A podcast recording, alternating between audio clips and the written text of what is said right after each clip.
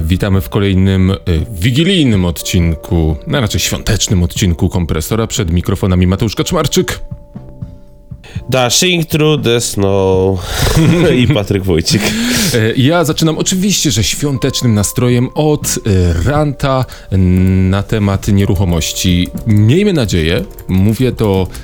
Liczę na to, że powoli kończy się moja przygoda z szukaniem mieszkania na wynajem e, w pięknym A, bo szukasz. No, szukam, szukam i chyba, miejmy nadzieję, trzymam kciuki, że to się powoli już kończy. A przy okazji tego, że szukałem, to mam kilka obserwacji dotyczących e, tak zwanej branży nieruchomościowej z punktu widzenia wynajmującego, a konkretnie e, tak zwanych usług e, deweloperskich, usług klientów nieruchomościowych, czyli firm zajmujących się pośrednictwem pomiędzy klientem, pomiędzy kupującym, wynajmującym, a pomiędzy kupującym a sprzedającym i wynajmującym a e, a wynajmującym? Nie, pewnie tak. Ym, I tutaj y, od, będę używał firmy Properco jako takiego niechlubnego przykładu, aczkolwiek y, zdążyłem się zorientować, że mamy tu do czynienia z pra- praktycznie chyba wszystkimi firmami oferującymi usługi. Mianowicie, ja rozumiem, jak są firmy y, zajmujące się ściąganiem samochodów y, i te firmy oferują jakieś tam samochody i te samochody są droższe niż normalnie, ale ja wiem, że e, płacę za to, że ktoś rzeczywiście ściągnął ten samochód. E, oni mają zazwyczaj swoje strony, e, ściągają ten samochód od swoich własnych tam jakichś tam źródeł klientów. Ten samochód jest sprawdzony i przede wszystkim ten samochód to nie jest dokładnie ten sam samochód, którego widzę na Oliksie. I tu jestem w stanie zrozumieć, dlaczego, e, dlaczego płacę dodatkowe pieniądze dla takiego, za taką usługę.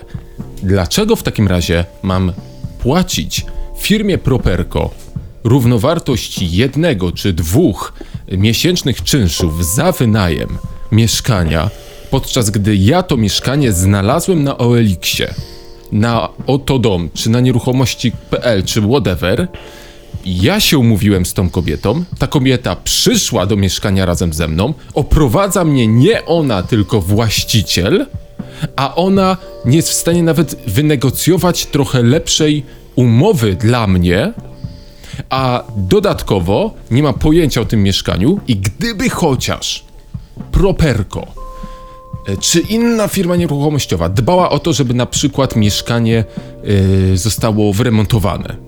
Gdyby to mieszkanie było naprawione, czyli gdyby ten właściciel tego mieszkania dokonał jakichś zmian i poprawił to mieszkanie, ponieważ Properco przyszło i mu tak powiedziało, to ja jeszcze byłbym w stanie zobaczyć e, sens płacenia tym ludziom.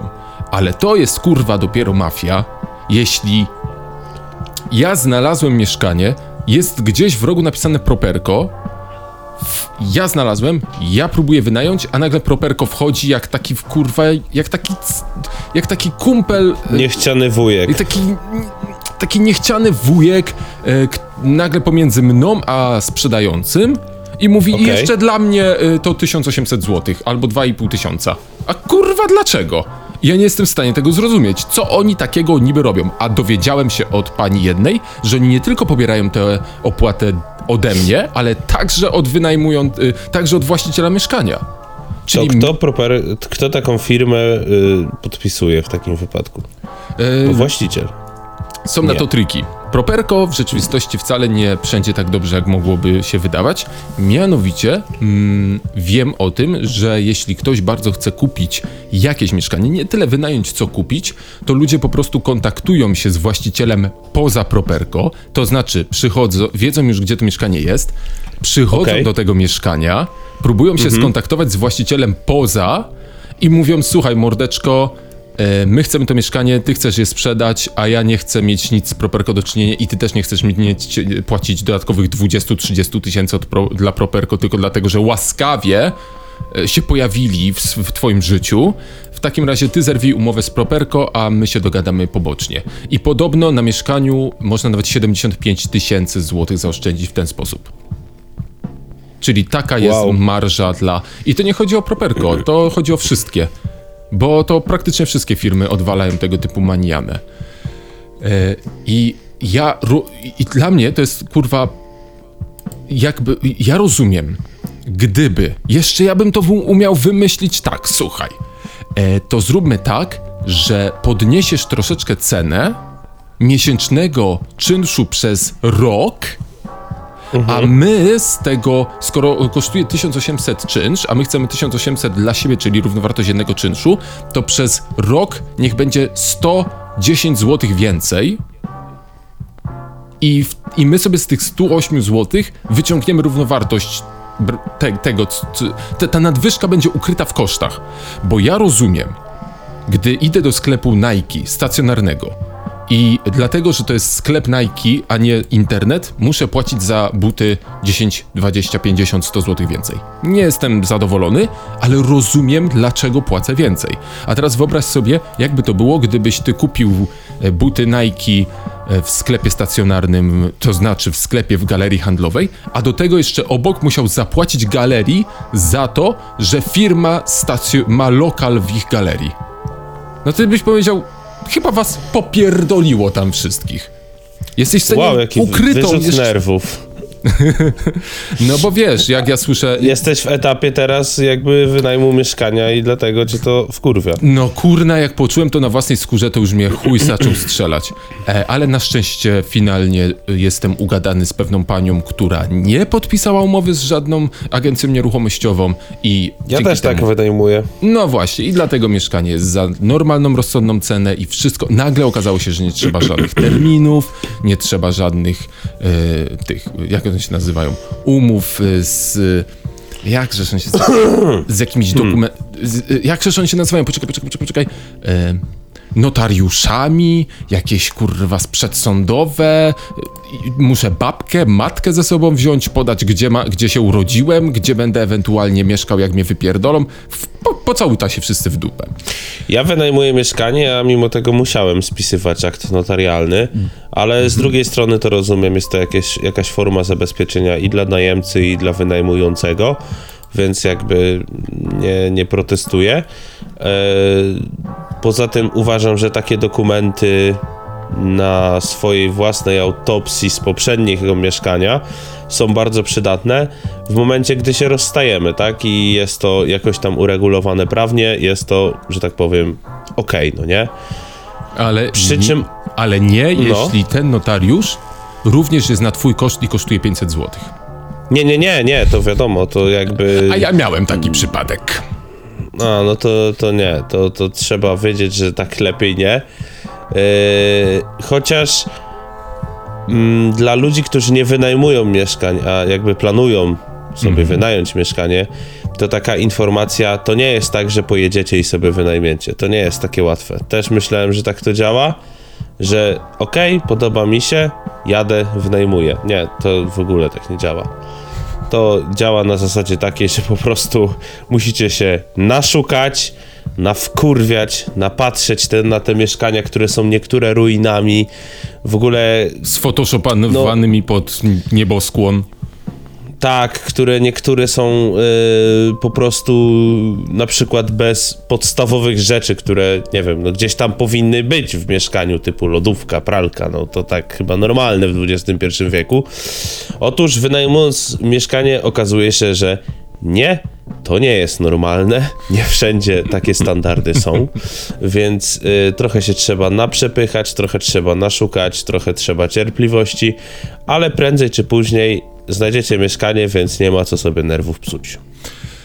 Dziękuję, uspokoiłeś mnie troszeczkę. A teraz uspokój mnie jeszcze bardziej ciekawością świata dotyczącą kultury, którą przygotowałeś na e, ten odcinek. Nie jest niczym chyba zaskakującym, że powiem o czymś, co, o czym gadają w sumie wszyscy ostatnio. Mianowicie Wiedźmin. I tak jak każdy powiedział, y, co miał powiedzieć, tak ja powiem swoje zdanie jako osoba trzecia i osoba, która może ocenić serial na tyle obiektywnie, na tyle, na ile się tylko da, dlatego że oglądałem serial nie grając wcześniej w gry i oglądałem serial nie czytając żadnej książki. Czyli po prostu konsumowałem rzecz, znaczy nadal ją konsumuję, Na turbo rzecz, świeżo. która jest. Tak, je, na turbo świeżo, na turbo z y, osoby trzeciej. Według mnie serial y, przygotowany przez Netflixa jest dobrym serialem. Czuć w nim sznyt Netflixowy, bo ja już zauważyłem, że istnieje coś takiego, że te seriale Netflixowe są takie Netflixowe po prostu. E, nie czepiam się linii fabularnej, dlatego że jak wcześniej powiedziałem, nie znam jej w zasadzie, ale smakuje bardzo dobrze. y, mianowicie jest super doprawiony obsadą aktorską. Y, myślę, że wsadzenie Henry'ego Cavilli, który znaczy za głównego bohatera, czy Jako Ani Geralta. Charl- Chalotra, nie wiem czy tak się to czyta, po prostu tak, tak mówię, to super miejsce dla takich gości y, w tak świetnych rolach. I uważam, że Wiedźmin ma na tyle dobrą scenografię, która może zadowolić oko ludzi takich jak ja, ale ale, zawsze jest jedno ale. E, nawet nie jedno, chociaż w tym przypadku niech będzie jedno. E, będąc nie fanem jakiegokolwiek, jakkolwiek by to znaczyło e, Wiedźmina, w sensie nie znając tej pełnej historii, tej książek i tak dalej, Jestem poniekąd obeznany w tym, jak powinien wyglądać e, serial z gatunku e, Fantasy. Dark fantasy, gdzie ostatnio kolega, który właśnie bardzo dobrze zna Wiedźmina, uświadomił mnie, że właśnie Wiedźmin jest dark fantasy i że powinno być więcej takiego słowiańskiego sznytu w tym drugim sezonie. Y, powinien cię Wiedźmin bardziej przyrażać niż y, za jakby zaciągać do przed ekran, zachwycać. I z tym się muszę zgodzić, że trochę tego tutaj brakuje. To już nawet nie chodzi o te takie truizmy, które gdzieś można przeczytać w internecie, że o, czarnoskórego dali w to miejsce, nie? To jakby ja odbijam od tego, mnie to totalnie nie obchodzi. Tylko, że to wszystko musi być, musi śmierdzieć chyba Słowianami. Przynajmniej z tego, co mi mówili ludzie, którzy czytali książki, że tak był przygotowany Wiedźmin. Miał śmierdzieć Słowianami, w serialu trochę to nie wychodzi. Zgadzam się z tobą w kwestii słow, y, słowianności. Nizmu, słowianizmu. Słowenizmu. y, w- by- W kwestii Wiedźmina będącego słowiańskim w swoim odczu odczuciu. Czemu się z tym zgadzam? Ponieważ Władca Pierścieni i Harry Potter są brytyjskie, choć nie były robione przez Brytyjczyków. Harry Potter był przerobiony przez Warner Bros., a, y, a Władca Pierścieni przez Nowozelandczyków i Amerykanów. A mimo to czuć, że to są powieści europejsko-brytyjskie. Harry Potter skrajnie brytyjski, y, Władca Pierścieni bardziej europejski, ale też hobbici to ewidentnie tacy prości Irlandczycy i tak dalej. I, Ale to czuć. I to czuć. I to nie ma co tego odbierać, bo to jest część identyfikacji danego dzieła. I e, tak samo jest w przypadku rosyjskich dzieł. E, tam Stalkera, tych gier, e, Metro serii. Jeśli one o, o, one są właśnie częścią tego uroku i popularności danych y, serii rosyjskiego fantazy miejskiego, bo tutaj mamy w, bardziej w tej kwestii, jest to, że my czujemy, że to są Rosjanie. Czujemy, że oni piją tę wódkę z tych, z tych menaszek, e, że tam siedzą w tych kufajkach, e, w tych waciakach i właśnie to jest część. Ja nie chcę kolejnej kopii Aragorna. Chcę Dimitriję. Wiedźmina. Chcę, chcę ja, ale tak samo jest z, z, z, innym od, od, od, z inną wersją e, dzieł fantastycznych, czyli japońskim e, mangę i anime. Ja chcę oglądać Pokémony, e, czy, a, czy mm, miliard Jeżeli to ma innych. śmierdzieć kiczem, to niech to śmierdzi kurwa kiczem, Tak. ale smacznie. Tak, jeśli, ja chcę też w japońskim anime zobaczyć te japońskie znaczki neonowe, chcę zobaczyć tę japonistykę, chcę zobaczyć ten ich, te ich wielkie metropolie połączone z y, kwitnącymi wiśniami. Po to z tym wychodzę na... Ja, ja po to, to po, idę po to właśnie.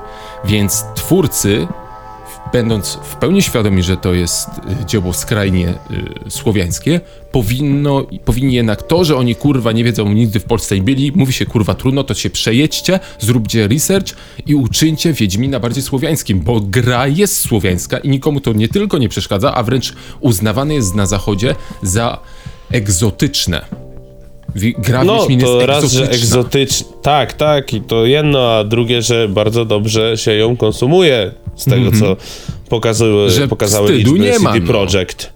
No, no, więc właśnie, bo jakby wydaje mi się, że świat Wiedźmina i ten świat taki słowiański, tych wszystkich strzyg, która nazwa tego w ogóle strzyga brzmi tak słowiańsko, jak chyba nic, co może brzmieć słowiańsko, e, to jakby nie tyle jest co wstydzić się lub nie jest się wstydzić. Jest to tak tajemniczy świat, który dla każdego będzie smakował dobrze, bo jest to świat, który no, nie, nie mamy szansy sprawdzić przez jakieś, wiesz, y, zdjęcia, bo wtedy nie było aparatu, obstawiam, że wtedy nie wiedzieli, co to, czy w ogóle kiedykolwiek będzie prąd, nie? Ale chodzi o to, że to był tak tak zagadkowy świat, że jeżeli ktoś to bardzo dobrze ugryzie, to nie będzie miał kompletnego problemu z tym, żeby widza zostawić przed ekranem i zostawić mu pod koniec sezonu cliffhangera, po którym on wróci, nawet jeżeli następny sezon będzie po trzech latach. Dokładnie. A obecnie to jest, obecnie sezon drugi jest ok, ogląda mi się spoko, jest wszystko w porządku, tylko brakuje tego, tego klimatu, który mógłby ociekać. Od co subiektywnie. No i masz rację. Mm, miejmy nadzieję, że, bo już są petycje pisane, żeby zmienić showrunnerkę i żeby ktoś inny się zajął tym serialem, bardziej kompetentny. Zobaczymy, jak to będzie. Trzeci sezon na pewno powstanie, bo e, pomimo backlashu, e, czyli odzewu negatywnego, ogląda się z tego, co słyszałem, bardzo dobrze.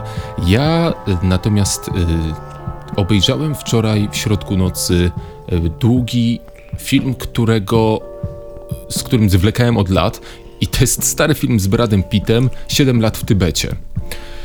I to jest dobry film, nie jest wybitny, ale jest naprawdę, naprawdę fajny. Jest y, o y, grupie austriackich nazistowskich wspinaczy, którzy lądują, y, którzy chcą zdobyć jakąś górę, ale lądują y, w komunistycznym chińskim obozie jenieckim i spieprzają do Tybetu, a konkretnie, no tak, dwaj, dwaj, dwóm, jeden z nich to jest właśnie Brad Pitt, postanawiają spieprzyć do Tybetu i tam zapoznają się z tybetańskim unikatowym stylem życia, z tym, co Tybet... No, z którego Tybet sł- słynie. słynie. Dokładnie to, o, to, o, to, o, o to mi chodziło, tego słowa, Aha. słowa szukałem. E, I natchnęła mnie jedna ciekawa mm, myśl. Mianowicie, Czy jest to film, jeszcze tak ci przerwę, z typów y, filmów, gdzie nie ma tej akcji, tylko po prostu oglądając go czujesz takie przyjemne ciepło? e, nie do końca jest, e, jest akcja, e, jest, film jest po prostu bardzo taki, stara się być bez bez em, przeźroczysty w swoim przekazie. Opowiada i, i, to, i to jest to. I to, to jest to, co chciałbym powiedzieć. W końcu odkryłem, dlaczego ludzie hejtują tak zwane lewackie filmy na platformach streamingowych czy y, wszędzie indziej. E, Ale też skrajnie prawackie na jakiś tam dziwaczny No, żadna skrajność nie jest dobra, umówmy ale już wiem, w czym jest problem. Już wiem, w czym No. jest problem. Mianowicie, y, oglądałem też swego czasu kilka dokumentów o tym, że e, biedni geje są biedni w byciu z biednymi, a tu gdzieś indziej biedna afgańska dziewczynka walczy o y, normalność y, w, na amerykańskiej prowincji, bla bla bla.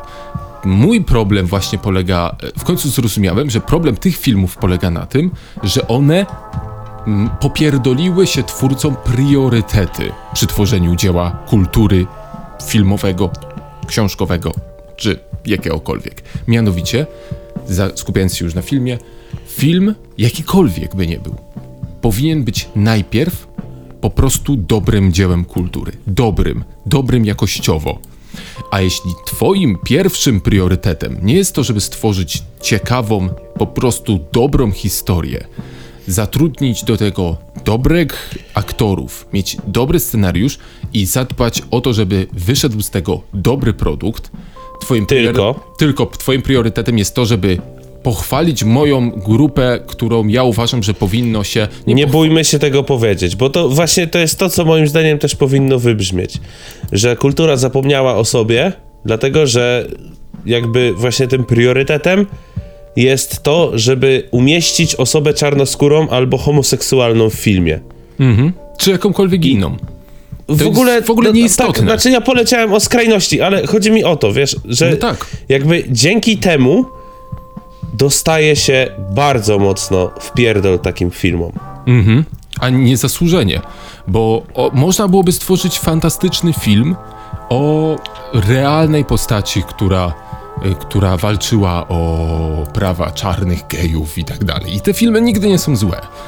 Ale jak na siłę tworzy się film, który sam w sobie jest o dupie maryny, ale za to jest po prostu propagandą jakiejkolwiek ideologii, jakiejkolwiek, to, to nigdy nie będzie dobry film. On będzie zawsze śmierdział ideologią i wiem dlaczego.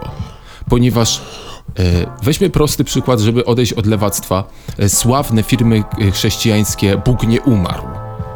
W tych filmach e, zawsze chodzi o to, żeby pokazać, że chrześcijanie są dobrzy, a wszyscy inni są źli. To są propaganda chrześcijańska, klasyczna. I Aha. e, chrześcijanie zawsze myślą, że jak ogląda się te filmy, to oni pokażą ateistom, czym chrześcijaństwo jest naprawdę. A chrześcijanie się śmieją z tych filmów, bo są niskiej jakości. E, I to, I to nie jest e, film propagujący chrześcijańskie wartości, tylko film propagandowy dla chrześcijan, żeby ich jeszcze bardziej u, uwia, e, u, Pomasować. i jeszcze bardziej pomasować, że są tacy wspaniali. Bo tam głównym bohaterem zawsze jest chrześcijanin, który jest zrobiony z pierdolonego kryształu i on pozostaje tym kryształem i jego postać nie rusza się z miejsca ani o milimetr. On pojawia się na ekranie jako w pełni uformowany kryształ, któremu nie da się nic zarzucić i kończy przygodę filmową jako w pełni uformowany kryształ, któremu nie da się nic zarzucić. Nikt Mi wydaje się, że takim dobrym filmem, który pokazuje, jakby, który jest jednocześnie o temacie stricte dotyczącym e, religii, a jednocześnie jest dobrym dziełem, jest chyba Pasja. No to jest chyba najlepszy film e, chrześcijański, który bardzo dobrze chrześcijaństwo, katolicyzm w ogóle reklamował, brutalnie, ale skutecznie, a przy tym ja ostatnio oglądałem Pasję i bronię jej rękami i nogami, jako osoba kompletnie niewierząca. To jest kawał zajebistego kina. Przede wszystkim, właśnie, i o to chodzi. To jest kawał zajebistego kina, bo to nie ma być film. Wiadomo, że każdy film może ci dawać jakieś, jakby to powiedzieć, no, Przemyślenia. Takie, przekazywać ci jakieś myślenia, refleksje i tak dalej, no nie? Ale przede wszystkim niech to będzie zajebiście dobre kino. Skupcie się, au, autorzy, reżyserzy, scenarzyści, scenografowie, nie wiem, czy to jest to samo, czy nie, ale skupcie się na tym, żeby to było dobre kino. A potem się skupiajcie na wszystkim innym. Co tam jeszcze masz, kochany? Z mojej strony mam.